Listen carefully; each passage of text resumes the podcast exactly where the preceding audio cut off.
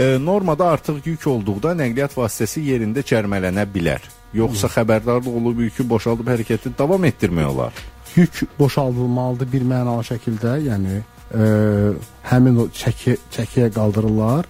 Standartlardan doğrusu normativdən artıq yük vurulubsa, ə, yük boşaldılır, cərməsi cərimə tətbiq olunur, yük də boşaldılır, standarta gətirilir, ondan sonra hərəkətə buraxılır. Yük amma harda qalır o artıq e, onun Bu adətən e, e, respublika əhəmiyyətli yollarda olur bu cür situasiya. Bu şəhərin daxilində belə e, situasiyalar rastlaşma olmur. Onlar e, yer göstərirlər, boşaldır yüklər. Yəni o e, trastda avtomobil idarə edən yük avtomobilləri bu prosesi yaxşı bilirlər.